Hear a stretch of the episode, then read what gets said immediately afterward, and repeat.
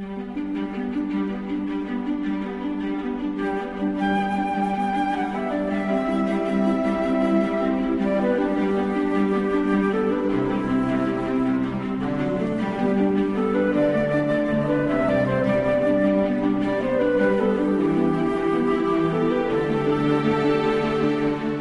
arribats a aquesta hora del matí, aquesta hora que és entre intempestiva i plàcida, una mica de cada, és per tota aquella gent que tot just s'està llevant, eh, segurament és plàcida, obren un ull encara amagats a sota les mantes o del nòrdic i es plantegen que tot el dia encara és per davant i per tant tot es pot construir. Intempestiva per aquells que tot just estan tornant a casa, sigui de, de qüestions d'oci, de, pur, de pura diversió o eh, per qüestions laborals també.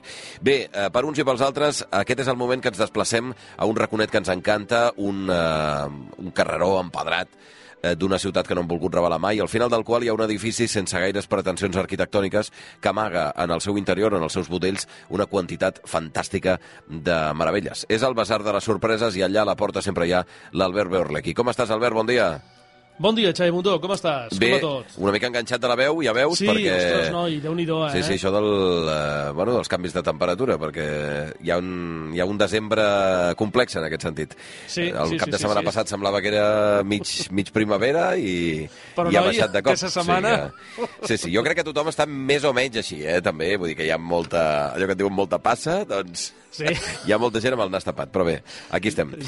Però em trobo bé, em trobo bé. Com estàs tu? Vale, perfecte. Bé, bé, força bé, clar que sí. Escolta, ja hem superat ja el primer round de les festes, Sí. que és el pont de la setmana passada, ja tenim el pessebre instal·lat, Ara, ja, hem ara. anat a veure, ja hem anat a veure el llaminer, que ja saps que a, Trac- Home! a Sabadell hi ha la gran atracció del llaminer, Hosti, que escolta, sí. tothom l'ha anat a veure, escolta, és un fenomen això, eh? Sí, Però només un veritable que té fenomen, un eh? any de vida, no? Perquè l'any passat va ser el primer, devia És ser... el tercer, no, Ah, no, és el tercer, és el tercer. El tercer, el És tercer. el tercer, sí, sí, sí, però escolta, és que eh, nosaltres vam anar l'altre dia, eh, una altra vegada, perquè és el segon cop ja que hi anem, Davant i, de l'Ajuntament, i està no? planíssim, és que no s'hi pot, eh, no s'hi pot cabre. Bueno, nosaltres coneixem, nosaltres coneixem un lloc secret, que ara ja deixarà de ser secret. No ho expliquis. No, no, no ho expliquem, no ho expliquem. Explica-m'ho després, Un a lloc mi. que, que està molt, molt cèntric i que es pot veure eh, bastant bé. No, però eh, mira, és un d'aquests exemples, en el cas de Sabadell, perquè és el que coneixem de prop, però com en d'altres casos, en, en què es crea una tradició d'alguna cosa, no?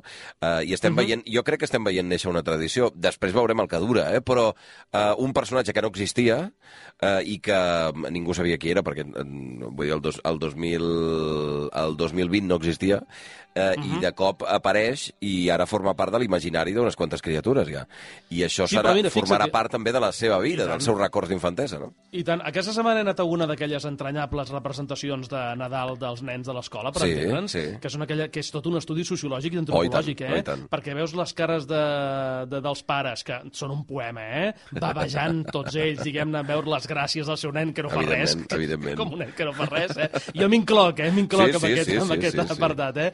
I llavors, escolta, de les tres cançons que van cantar, la que més èxit va tenir, patapam, a la del Llaminer. Veus? Van cantar una de les cançons del Llaminer i tots els nens engrescadíssims. Vull dir que, escolta, alguna cosa tindrà això, eh? Sí, senyor. Escolta'm, eh, ara que estem en, en eh, època nadalenca, tenim cartes o postals de Nadal o no? Sí, sí, Ah. han arribat cartes, han arribat cartes. La veritat és que estem molt agraïts a molts oients que eh, ja fa dies que estan arribant moltes cartes. Ja veurem a veure quan les acabem de despatxar, perquè llavors arriba tota una llau de correspondència i no és fins al mes de maig que acabem de despatxar les últimes cartes enviades per entendre'ns al mes de novembre. Mm. Però mira, les dues eh, que podem despatxar avui, una són del dia 13 i l'altra el dia 15. La primera ens arriba, doncs mira, des de Caldes de Montbui, és un sobre manuscrit i la seva remitent des de, des de Caldes, però també des de Queixans, una tal, aquí la tenim, Marina Castellà.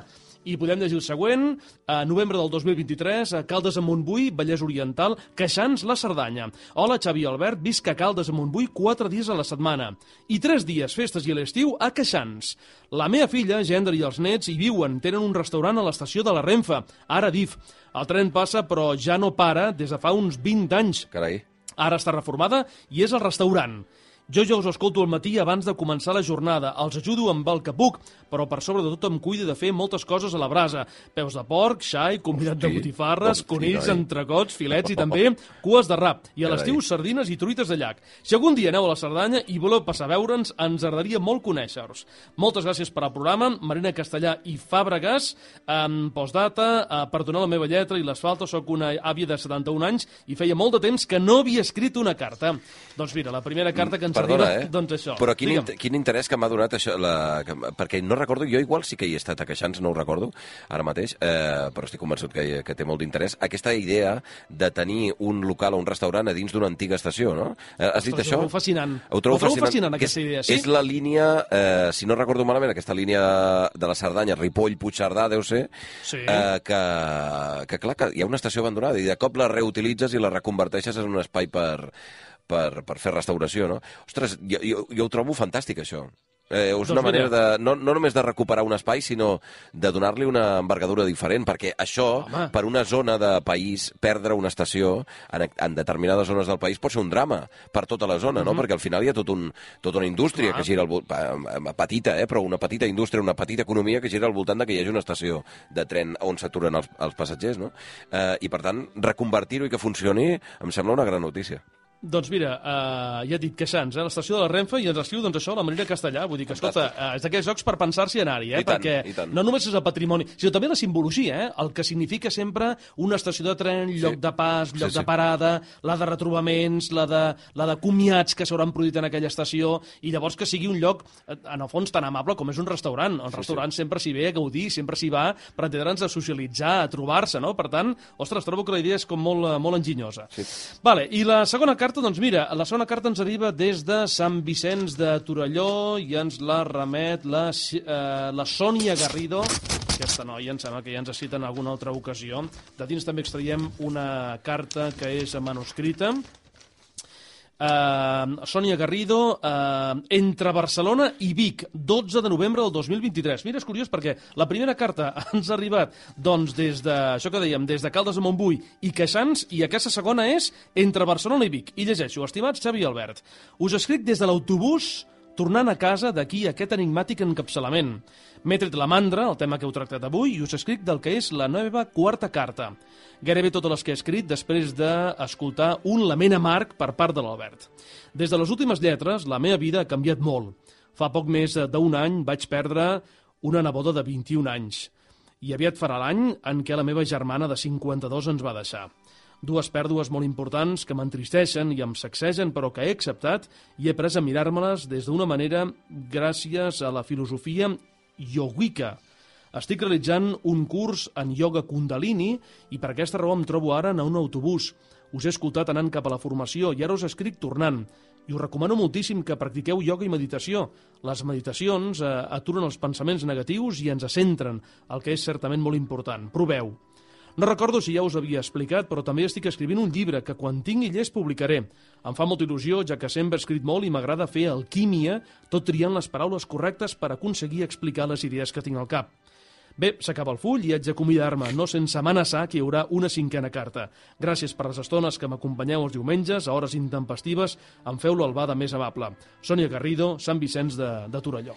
Doncs eh, molt emocionant també la, la carta que ens envia la Sònia eh, i el que diem sempre, eh, l'Albert i jo, que eh, aquest espai, el del Basar de les Sorpreses, que sabem des d'on es produeix, mai sabem on arriba i en quines circumstàncies, no? I, mm -hmm. i formar part de la companyia d'una persona que ha hagut de patir com, com la Sònia eh, dues morts tan doloroses eh, i que, vaja, que no, no estem parlant que, que la recuperació vingui derivada de la ràdio ni del programa ni molt menys, però que sigui una companyia en aquest trànsit eh, que hagi trobat l'equilibri de nou, ostres, em sembla una, em, em reconforta, sincerament. I li agraeixo tant, moltíssim a la, a la Sònia un, un missatge com aquest, una carta com aquesta que ens arribi també a la ràdio.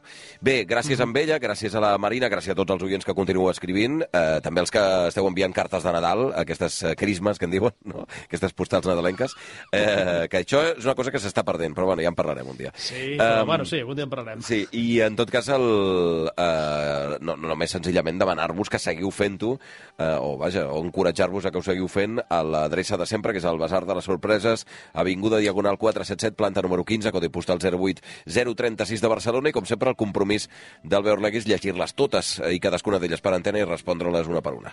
Per tant, no us, no us oblideu de posar la vostra adreça tampoc. Bé, eh, vaig cap al Beorlegui Express, que ja és allò Sí, que efectivament... Eh, um, I novament amb bandereta de... Oh, sí.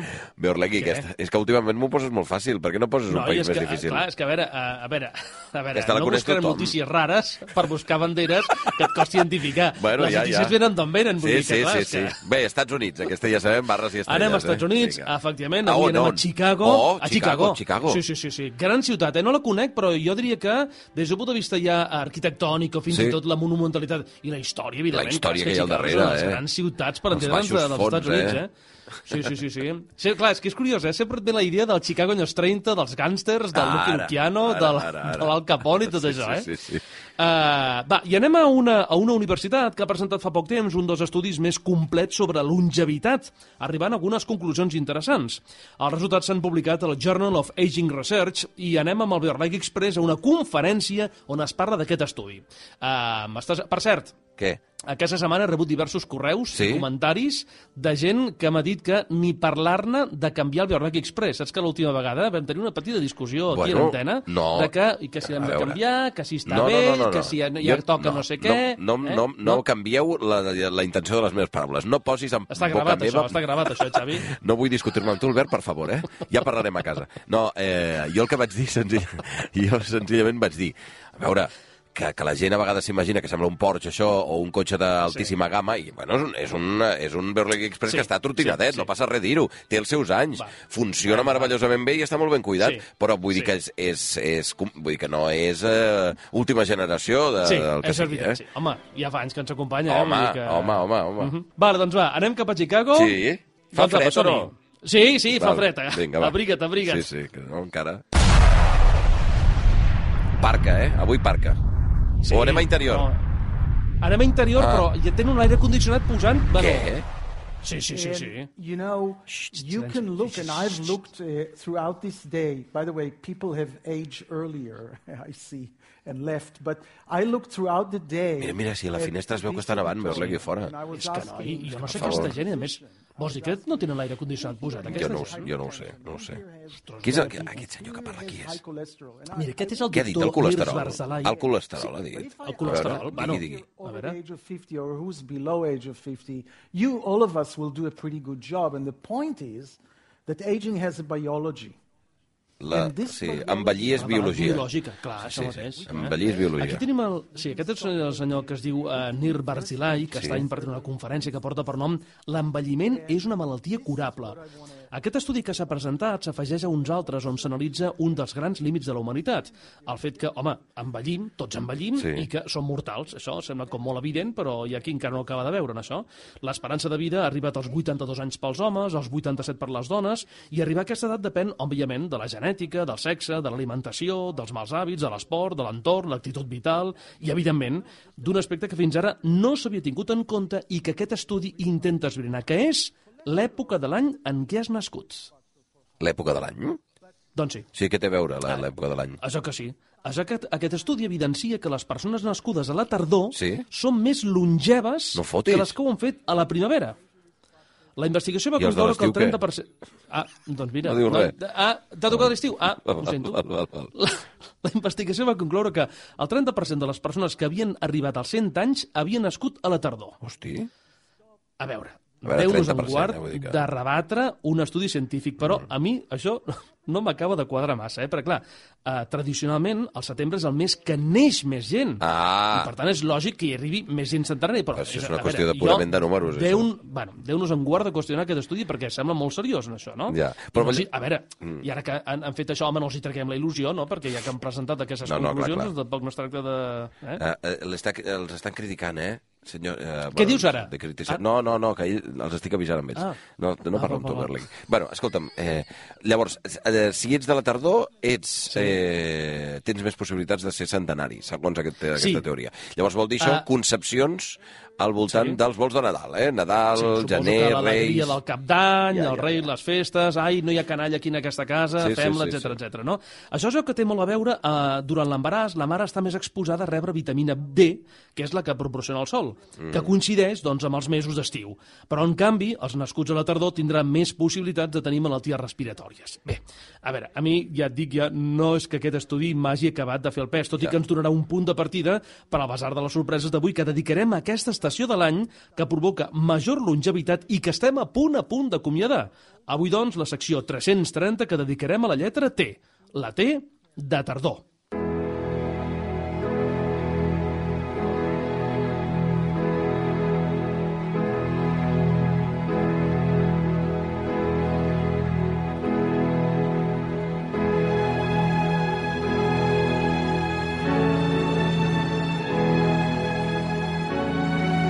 Havíem dit una pila de vegades amb el Beurlegui que eh, la seva estació preferida era la tardor, però com que ara està en, Correcte. en regressió, diguem-ne, ara ja no, s- no està molt clar eh, quina és quina, no? Però...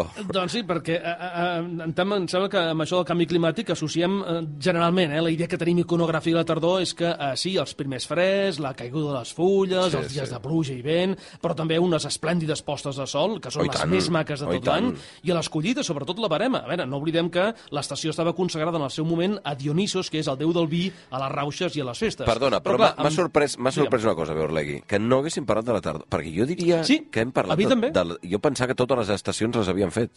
Les tres, no, no, no, hem parlat de la primavera, l'estiu fa no fa massa, Sí. i l'hivern, però la tardor, la meva preferida ens l'havíem deixat. Hosti, Sí, sí. I és curiós perquè, eh, bé, a veure, recordem, a l'hemis- a l'hemisferi nord la tardor comença els vols el 22 de setembre, a l'hemisferi sud recordem que comença el 22 de març Sí. i s'allarga fins al 22 de desembre, és a dir, fins, eh, res, la setmana que ve. I encara que només agafa 8 dies de setembre, tradicionalment aquest setembre ja és el mes de la tardor. L'estació també inclou octubre, novembre i bona part de desembre, mesos que, com hem explicat en alguna ocasió, deuen el seu nom a l'antic calendari romà, del qual encara conserven la seva arrel etimològica. Setembre era el mes 7, octubre el mes 8, october, novembre el 9 i desembre el 10. Però, com podem suposar, la tardor és molt més que tot això.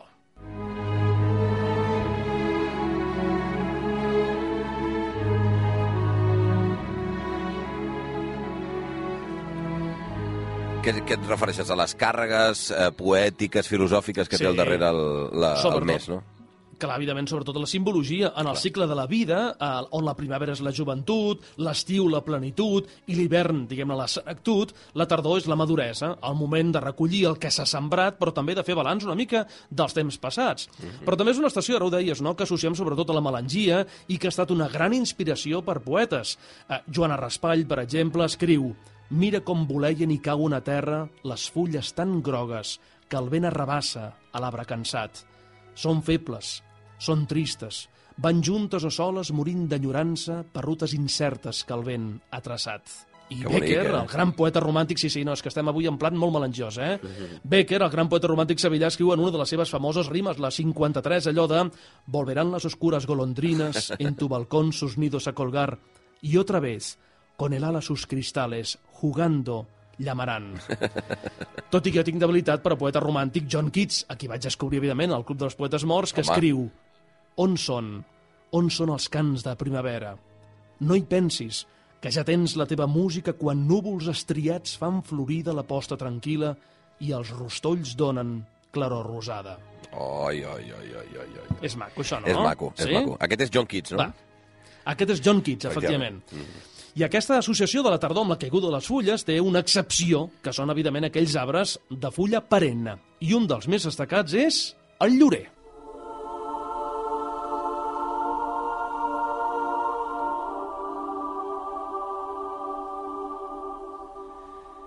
El llorer que té eh, una càrrega sempre eh, molt simbòlica, no sé si fins i tot mitològica, del món antic, no? Sí, sí, sí. sí. Oi? Uh -huh.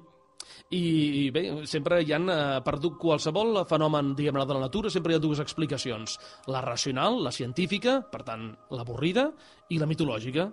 I la veritable raó per la qual el llorer té les fulles sempre verdes ens l'explica Ovidi a les seves delicioses metamorfosis.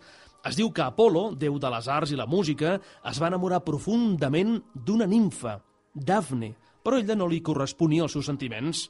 El déu, però, la perseguia constantment sense donar-se per vençut i un dia en què ella va haver de fugir un cop més als seus requeriments amorosos, veient-se perduda i gairebé atrapada, va implorar als déus que Apolo no l'atrapés.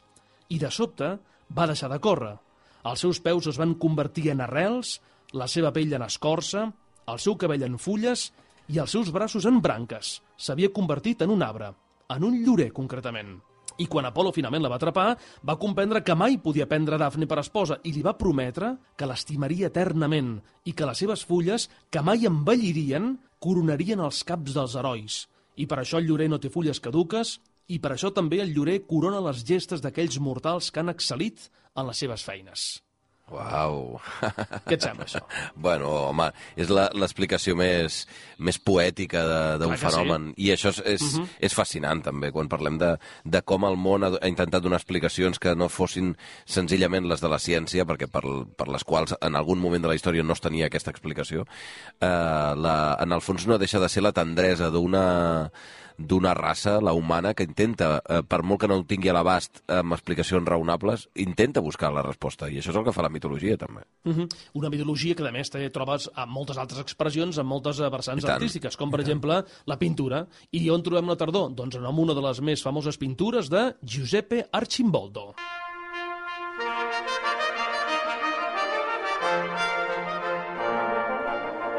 De fet, ja n'has parlat, no?, en alguna ocasió Sí. d'Archimboldo? És que és un pintor com molt famós, eh, que sobretot el coneixem per les seves, eh, les seves alegories i que eh, en cada, crec que en cada una de les estacions, diguem-ne, d'alguna manera o altra, ha acabat sortint el seu nom, no? Eh, recordem que va ser un pintor italià del segle XVI, conegut per pintar, doncs això, eh, simbologies, alegories en forma de cara, amb objectes propis del títol del quadre. El de la tardor, per exemple, és un home ja madur, que representa, doncs això, la tardor de la seva vida, per tant, la maduresa, i on la seva cara està elaborada amb els fruits propis de l'estació. Els cavalls, el, perdó, els cabells són raïm, el nas és una patata, les orelles són bolets i el cap està coronat amb una carbassa. Archimboldo va pintar molts quadres, però els de les quatre estacions són, òbviament, els més famosos. Uh, ja, ja, em sembla que ja m'ha dit el Blai que hem penjat la foto amb el quadre Ah, per- ah, perfecte, a les molt xarxes bé. socials, o sigui que ja ho tenim allà. Doncs mira, ja que parlem d'obres famoses i de quatre estacions, endevineu quina peça d'Antonio Vivaldi és la que escoltarem tot Hombre, seguit? hombre. La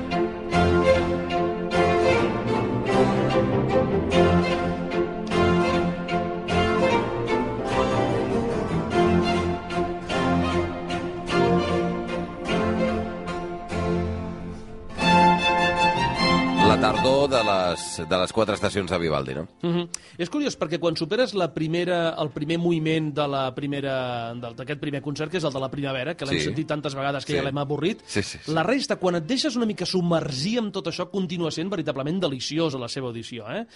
Tot és obra d'un venecià, Antoni Vivaldi, també conegut com il Prete Rosso, el capellà roig, eh, no per les seves idees avançades, eh, diguem-ho així, eh, sinó perquè era capellà i perquè era pell roig, eh, i que és un senyor que té 770 obres. 770, de les quals hi ha 400 concerts, 46 òperes, però només sembla que hagi nascut per... Les quatre estacions, compost clar. les quatre estacions, que, recordem, és un grup A de veure, al quatre final és concerts un, és molt un hit, més, això eh? passa, ha passat a la història Sí. de la música sempre. Quan tens un Sí, hit, però- Beorlegui, Sí. no, la gent no sap res més. Vull dir, Però té música absolutament deliciosa, eh? i s'ha acabat. I recordem aquests quatre concerts, que són a més molt curts, eh? són quatre concerts per violí i orquestra, cadascun d'ells dedicat a una estació, que van ser publicats l'any 1725 amb, amb altres vuit concerts i que tenen el títol així genèric de Il cimento dell'armonia e dell'invenzione. El més rellevant de l'obra és que em, és un dels precedents més clars del que amb els anys seria coneguda com la música programàtica, no? o la música descriptiva, és a dir, música que intenta descriure un estat d'ànim o una situació. I en aquest cas, aquí tenim el Presto, que estem escoltant de fons, i que és el tercer moviment, eh, on es recrea una cacera, una cacera de, a la tardor. Més de 200 anys més tard trobem una cançó que també parla de la tardor, però des d'un punt de vista metafòric, les fulles mortes. C'est une chanson qui nous ressemble. Toi, tu m'aimais et je t'aimais. Nous vivions tous les deux ensemble. Toi qui m'aimais, moi qui t'aimais. Mais la vie sépare ceux qui s'aiment. És fantàstica aquesta cançó. Bueno, i és el més sí. modern que et deus poder permetre, també, per altra banda, no? Per avui sí. Va, va. Sí, total, és de l'any 45, eh, que és de fa 4 dies, això, eh? Bueno, Recordem les veure, fulles mortes. Quatre dies. Et gires d'esquena i ja, ja portes un segle al darrere, eh? Però bueno, en fi. Cançó francesa de l'any 45 amb música de, de Joseph Cosma, lletra de Jacques Prévert, popularitzada, evidentment, arran de la, de la versió canònica d'Yves Montand, tot i que hi ha moltíssimes, moltíssimes altres versions, i la seva tonada es va acabar convertint en un estàndard de jazz amb el nom, doncs, això, de Fulles Mortes. Va. Um, Yves Montand va fer la versió, com dèiem, diguem-ne, estàndard, però també entre els seus intèrprets, Edith Piaf, Plácido Domingo, Nat King Cole, Frank Sinatra, Miles Davis, Duke Ellington, Eric Clapton, i un llarguíssim, llarguíssim Clar, etcètera. és que més enllà del, de la cançó en francès, que és l'original, la, de, la, la que popularitza Yves Montand, eh, i deies, es, es torna una, una, un estàndard de- jazz també amb, uh -huh. amb pes per la força del Autumn Leaves, és a dir, de la versió en anglès eh, que, Correcte. que als Estats Units té tant d'èxit a través de totes aquestes veus fantàstiques. Eh? Les fulles mortes apareixen quan la tardor és avançada i apareixen els primers freds, que és el títol precisament d'una gran escultura de Miquel Blai.